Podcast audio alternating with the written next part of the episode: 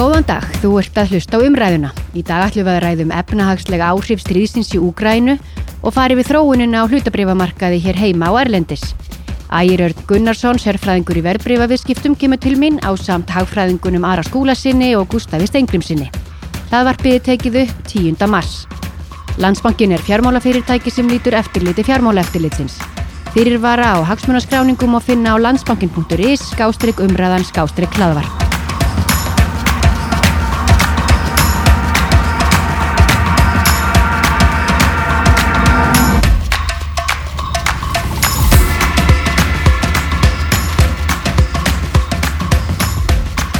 Velkomir.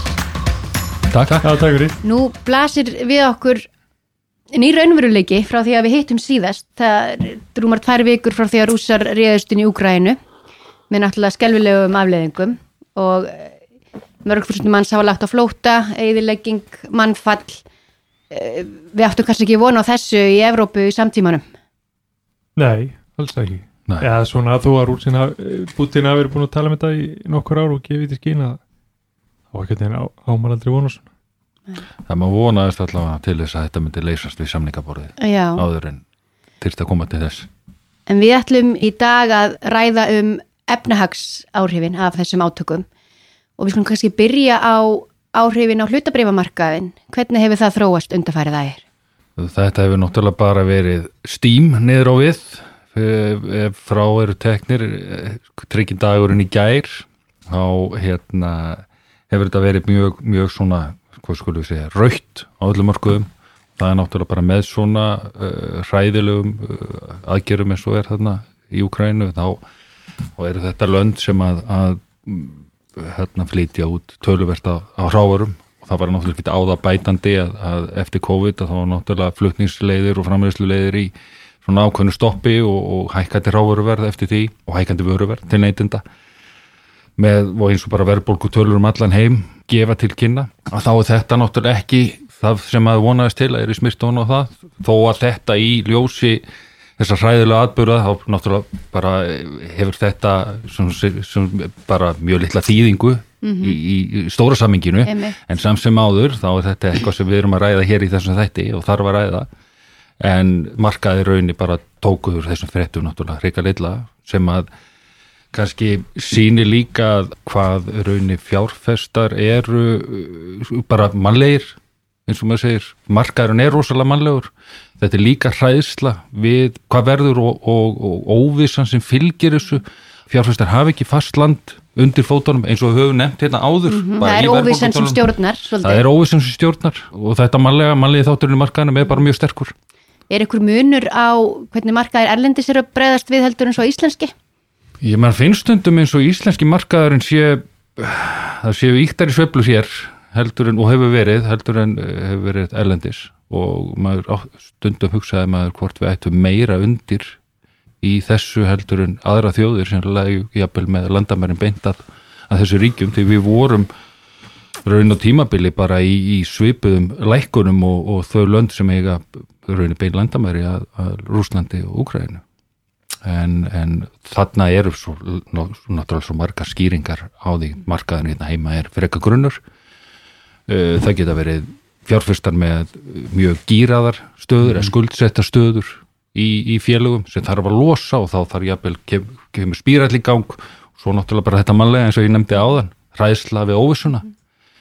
En það er hækkandi olíuverð sem hafði áhrif á þessar lækkanir, er það ekki, Gústa? Jú, Ólífer er náttúrulega svolítið mikið að stýra hlutabröfum í dag og kannski, eða sérst svona síðustu daga, það er eiginlega bara, já, það er, ef ólíðan fyrir upp að það fara markaði niður og öfugt, sko. Þannig að, og það gæti vantilega verið þannig á næstunni, það er að segja ef að þessar verðsveiflu líka halda áfram í Ólíferði, að þá getur það halda áfram að, að svona, já, keira hlutabröfverð upp og niður, bæði hérna heima og elendis. svona bein fylgni algjörlega Já, á milli þessara ótrúlega mikil fylgni núna af því að yfirleitt er fylgnin ekki svona mikil en Nei. akkurat síðustu dagana hefur þetta bara verið rosalega fylgni sko. En áhrifin á gjaldýrismarkaði? Jú, það er oft þegar er til stað að flýja menn í dólaran fjárfyrst að vilja eh, svona fá einhverja eh, hérna, einhver stöðuleika og þá er, þá er dólarin yfirleitt fyrir valinu og það byrjaði þannig að dólarin byrjaði að hækka Íslenska krónan ef við förum út í það þá hefur hún gefið töluvert eftir en Sælabankin verið duglegur að koma inn, við erum náttúrulega með gríðalega stóra gerðurisforða sem við getum nýtt í þetta og Sælabankin hefur gefið það út að hann vilji takmarka sveiflur á markaði með því að koma inn reglulega. Og hann hefur sannlega gert það í þessum, þessari veikinga uh, rinnu.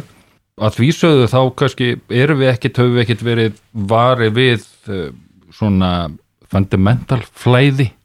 Það má reynda að segja sko að krónan hafi gefið eftir bara núna allra síðustu daga sko eftir styrkingu í tölvöðan tíma þannig að krónan er á miklu betri stað núna heldur hún var bara kringum áramóti eitthvað sluðið sko. Já, svo getur þetta vel verið að þetta sé smá overreaksjón í gangi líka Já, sko. já. að krónan sé að veikjast aðeins og mikið sko. Möndum við ekki líka kannski tengja þetta við frekar heldur en þetta venjulega flæði sem sagt vöruflæði inn og út á landinu í þessum, eh, sko á þessu tímabili þá eru þetta jafnvel bara samningar sem mennur að loka og, og, Já, já, nákvæmlega. og svona, hvað skulum við segja, svona spákaupmennska einhverju leiti.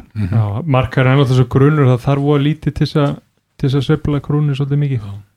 Þannig að það getur verið svona hálfgerð tilvíðin líka. Að, að veikingi svo svona mikil. Hvernig sjáu þetta þróast áfram? bara náttúrulega massa óvisa bara held ég og það er bara það er bara allir svolítið að sjá bara frá degi til dags hvernig olíverðið er að þróast og, og hérna, já og svo kveiti verða hækka náttúrulega líka mikið og svo koma nú verðbólkutölur ekki bandaríum í dag og Jú, hérna, bara núna eftir einn og hálfan tíma. Já. Það Þannig að þetta verður bara örglega svolítið mikið drifið að því hvernig olju, það er að segja ef að stríð er ekkert að breytast mikið sko, að þá verður olju verður svolítið, Já, en svo er En svo er náttúrulega það- stundur sagt að, stundur sagt að Úkraina hefði í gegnum aldirna verið matvæla forðabúr Evrópu sko, þannig að engin framleysla þar, engin útlutningu þar hefur náttúrulega tölvöld mikil áhrif á ansi margt sko. mjög mikil og Já. þeir eru nú eitthvað að draga úr útflutningi og jafnvel bannan bara svo þess- þessi Já. geti, bara svo þeir hafi nóg fyrir sjálfa sig Já, sko. voru þau ekki að banna korni að einhverju leiti? jú, jú. þeir eru nú framlega nú Já. 70% af kortni í heiminum það er nú bara ansið mikið Það er mikið. Og svo er það spurningum með áhrif á þessum viðskiptaþingunum að því alþjóða samfélagi hefur náttúrulega refsi aðgerða sem kannski engin fordæmi eru fyrir eða allavega að fá. Uh, það hófst, með því að afgengi fjölda rúsneska banka var bannaður að svift greiðslukerfinu. Getið þið aðeins sagt okkur frá því og hvort það hafi raunverulega áhrif? Já, þetta er, ég þekki þetta kannski ekki nógu vel sko en þetta verður mjög aðeins að sjá um mitt varandi hvernig bara fjármálakerfið teklar þetta og, og já, bæði rúsneski bankar og bankar í Evrópu og allir bankar sem eiga sagt, eiga eitthvað undir sér hérna í Rúslandi og það verður náttúrulega bara mjög allir að sjá hvernig það fer því það er náttúrulega örglega umtalsverðu fjöldi banka í Evrópu sem á tölvert undir hérna í Rúslandi Já, hvers, og náttúrulega rúblan já. fellir um helming. Og það er náttúrulega alveg ljóst sko að, að, að það þarf nú eitthvað að afskrifa af, af öllum lánum sem eru þar sko Vitið þið hversu viðkvæmir Evropsku bankarnir eru fyrir þessum áhrifum? Þetta er misjæft þetta í löndum sko. maður sé það í að Östurísku, bankatar frá Östuríki eru mjög, mjög djúpir í, í Já. Rúslandi, eru með mikið, mikla starfsemi þar. Síðan eru við náttúrulega í þeirri stöðu líka sko, að, að Þískalandi er mjög háð uh, Rúslandi varðandi innflutning á gasi, Mhm. þannig að það var einn banki allavega skilin eftir þessu, í þessu sviftæmi til þess að geta haldið áfram gasvískipti á milli Þískalands og, og Rúslands Mhm. og það, þessi staða með ekki bara Þískaland heldur eru sko nokkur lönd eins og Finnland og, og, og, og hérna Moldova og fleiri lönd sem eru austast, þau eru náttúrulega algjörlega háður Úslandi með, með gas Mhm. sem að fenn náttúrulega kannski að skipta minna máli þegar það fyrir að lína núna en kemur til með að skipta miklu meira máli í, svona til lengri tíma lítið, lítið þegar það fyrir að kólna aftur þannig að þetta er svona svolítið flókin staða já. varðandi fjármálastarsemina sko, af því að, og líka löndin eru svo með svo mismunandi stöðu einmitt um bandarækjumenn hafa núna bannað innflutning á rúsneskri olí og jargasi og kolum Já, það en það er auðvelt fyrir þau að því að einungis að 8% af olíu þau bandarækjumanna er mætt með innflutningi frá Úgrænu en. Evrópa er náttúrulega í allt annari stöðu eins og þú segir Þískaland og, og fleiri já, já. Er orkukrísa framöndan? Já, þetta er náttúrulega mjög alvarleg staða e, e, til dæmis með Þískaland að hafa akkurat bara á þessu ári lokað e, kjarnorkuverum sem er á, á, út af ákvörðum sem var tekin fyrir mörgum, mörgum árum síðan. Og það er mikil umræða núna inn í, í Evropasambandinni akkurat um kjarnorku og gas hvort, eða sko gas er eitthvað sem við viljum ekki fá í framtíðarlandinu með hreitni orku en Európa-sambandið er áhuga á því að leifa gas sem svona ekki orku, e- ekki sko mjög skítugt þangað til að búið að ná framleiðslu með fleiri vindmjölum, meiri sólarorku og svo framvegis. Og svo er náttúrulega eh, kjarnorkan alveg eins, sko Þískaland og Spánn mikið á móti kjarnorku, alfarið á móti kjarnorku en, en til dæmis Frakland byggir á kjarnorku, Finnland, Írland jákvæð fyrir kjarnorku. Þannig að Evrópusambandir sem held á svolítið erfitt með að fóta sig í þessu. En alvarlegast af þessu öllu saman er náttúrulega hvað svona stór ríki eins og Þískaland eru rosalega háður Úslandi með Heldur það, að Pútin hafi bara beðið eftir að merki lokaði fyrir kjarnakkuverunum og, og hafi þá... Já, Pútin er alltaf búin að spila á þetta kerfi hansi lengi, alltaf honum að kenna í og með hvað verðin voru orðin há síðastlið haust. Hann alltaf spilar á og hann ræðu, tölvöld miklu, hann ræðu til dæmis hluta af byrðastöðunni í Evrópu, hvað var það gas? Myndur þú segja að við hefum verið svolítið fljótfær, eða sem sagt ríkin verið svolítið fljótfær í þessum, þessum framtíðar reynu orkupælingum að að skrúa fyrir Já. margt annað sem að held í okkur lífið þanga til að vera um komið þar sem við viljum vera Ég held sko, ef maður horfir á stöðun í Európu þá, þá er það kannski þrýr þættir sem skipta rosalega miklu máli í framtíðinni sko, það er, það er kostnaðurinn og það er grænabildingin eða, eða öll markmiði með hana og svo er það öryggið, þú vilt hafa orku öryggi og öryggið það rekst rosalega mikið á kostnaði, það verður rosalega dýrt, þú þarf að flytja inn fljótandi gas frá bandaríkjónum, frá Asíu, frá Afríku í staðan fyrir að fá þau gegnum pípu frá, frá Rúslandi og svo eh, held ég að liggja nokkuð augum uppi sko að það verða áreikstarar á milli markmiða í lofslagsmálum og þess að halda upp í örygginu og bara geta að lifa þetta af það þarf öruglega að kveikja á einhverjum kólaorkuverum og olíorkuverum til þess að bara eitthvað sem að stóð til og kannski nýbúið að loka og kannski stóð til að loka, það er bara ekki hægt með stöðun í dag því að það er bara hreitt og klár orkuskortur í Evrópu mm -hmm. og þetta er náttúrulega veit Rúsland já, já. En hvað geta eins og ríki Evrópu og bara annar staðar gert til þess að draga úr þessum verðækunum? Þú náttúrulega getur... Draga úr kaupum. Já, draga úr kaupum, spara, eins og til dæmis það er ekki ólíklegt að verði skamtað í Evrópu ef, ef þetta heldur áfram svona að verði skamtað gas í Evrópu á næsta ári. Já, já. Og þú þarf að finna þér einhver aðra byrja, finna einhversta annar stað frá og það er til fullt af gasi, það er til fullt af gasi í, í, í Afríku en það vantar bara leiðirnar. Mm -hmm. Og þetta með fljótandi gasið sem að hægt er að fá, það er líka flókið að því leiti að hafnirnar eru allar vestanmegin, Breitlandi, Írlandi, Þískalandi, Spáni en, en þörfin er miklu miklu meiri miklu miklu austar. Þannig að það að koma þess á sinn stað og svo framvegis er eitthvað sem leysist ekki á einu nóttu. Mm -hmm.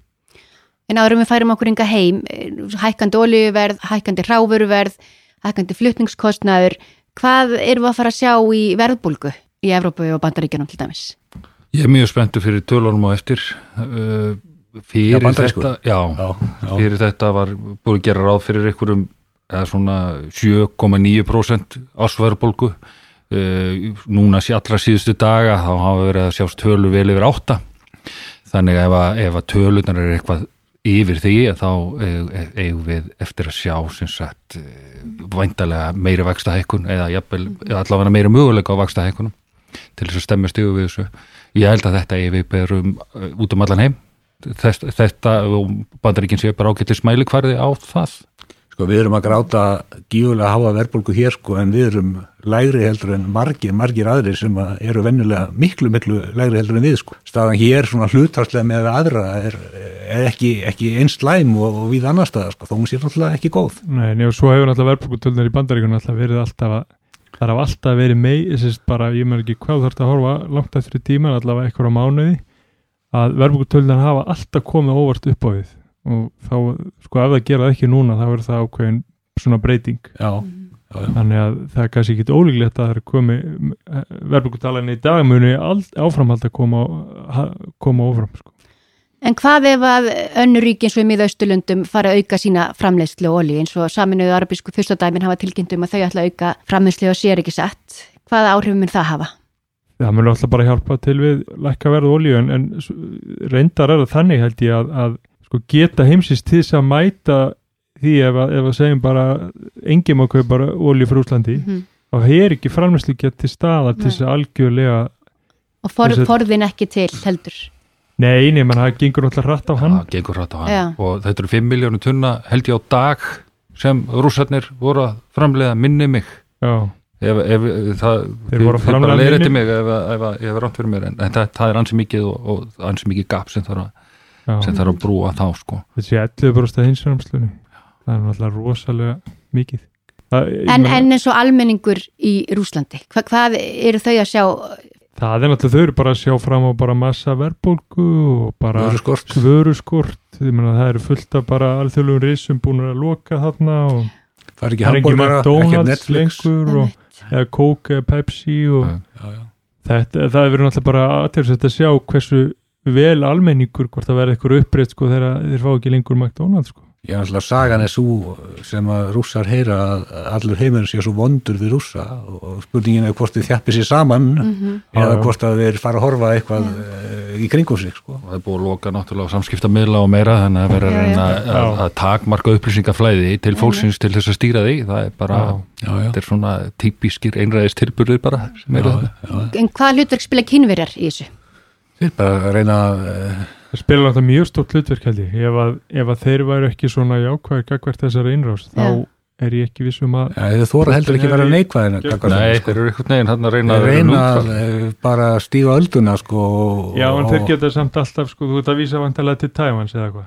Já, eða, sko, Mhm. eða bara þeir þóra ekki að styggja Vesturlönd heldur, þeir hafa náttúrulega mjög mikla hagsmun undir sko, þeir vilja sigla á milli skess og báru augljóslega en þeir hafa ekki fordæmt þetta, það er náttúrulega algjörlega ljóst Já. Nei, en þeir eru samt að taka sér stöð í sjálf sér með Pútín og, og þannig að sé að Ég er taka ekki sér vissum að þeir móti myndu samþykja það sko, að þeir var að gera það sko, þeir, þeir, sem að, þeir segja þetta vennilega sem er sagt í svona stöðu sko, við bara viljum að menn tali saman og reyna að leysa þetta með friðsarlegum hætti sko.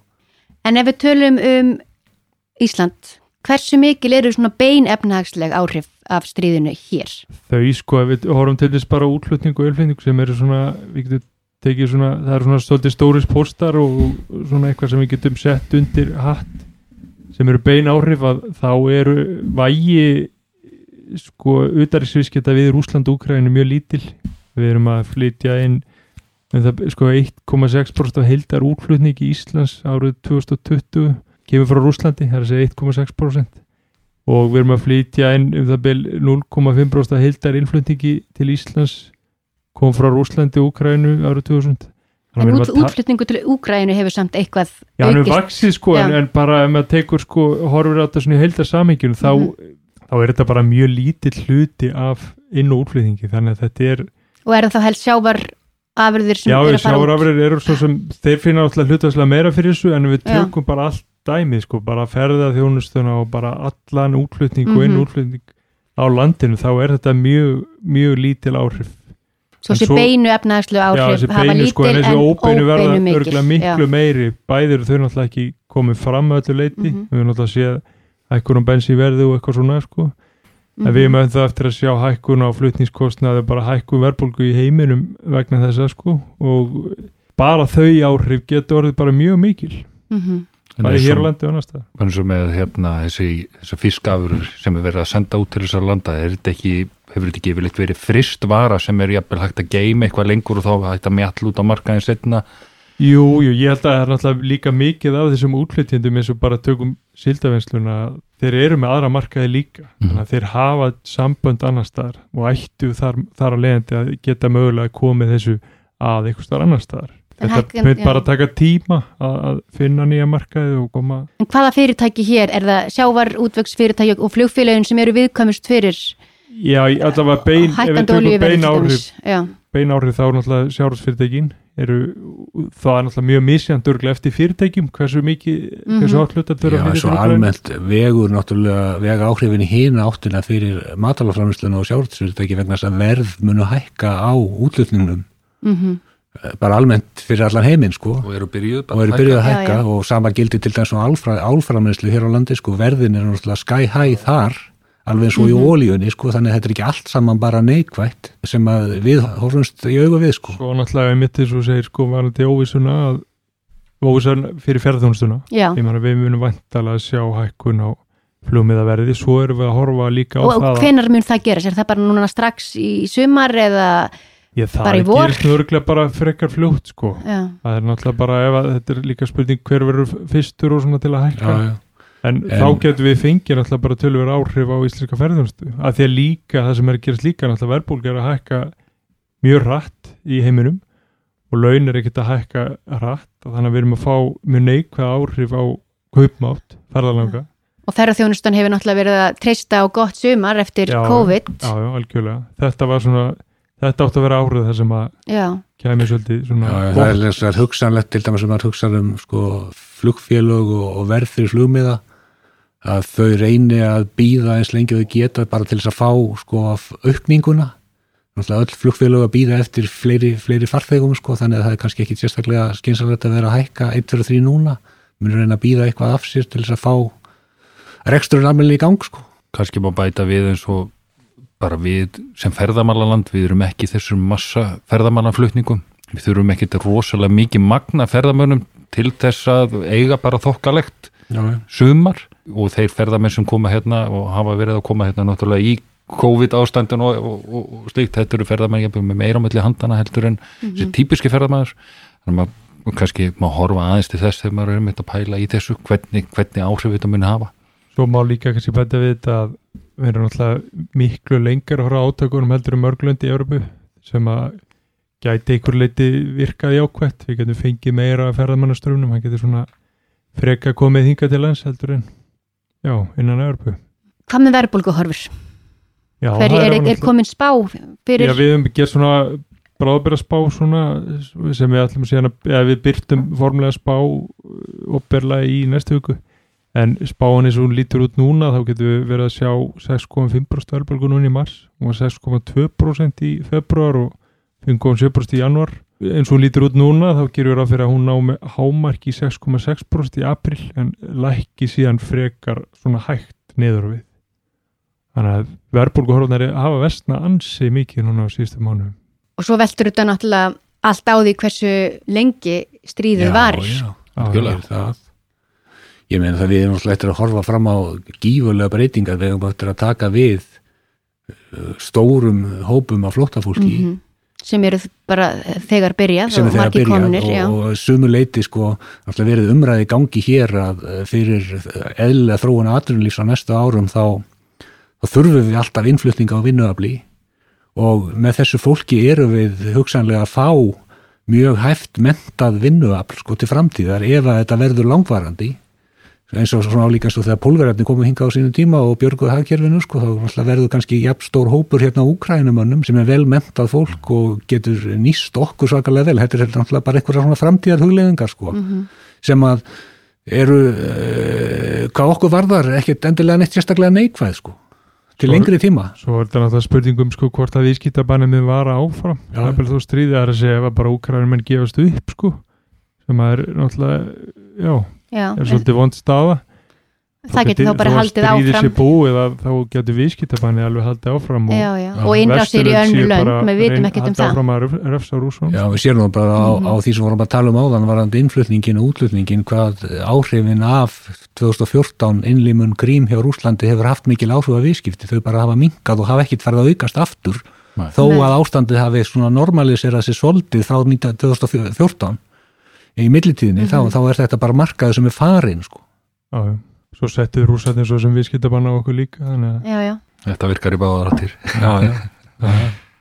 en við vonum náttúrulega til að átökinn taki enda og fólk geti öðla sitt líf á ný, Já, það er líf en er ekki- það eitthvað svona lokum sem þið viljið ræða? ekki góð staða sko ef að þarf að leggja fleiri fleiri borgir í Úkræðinu í rúst til þess að, að stríði klári sko, það er náttúrulega engum til gagg sko, það er náttúrulega bara umöðlegt fyrir, fyrir Úkrænu já, og alla.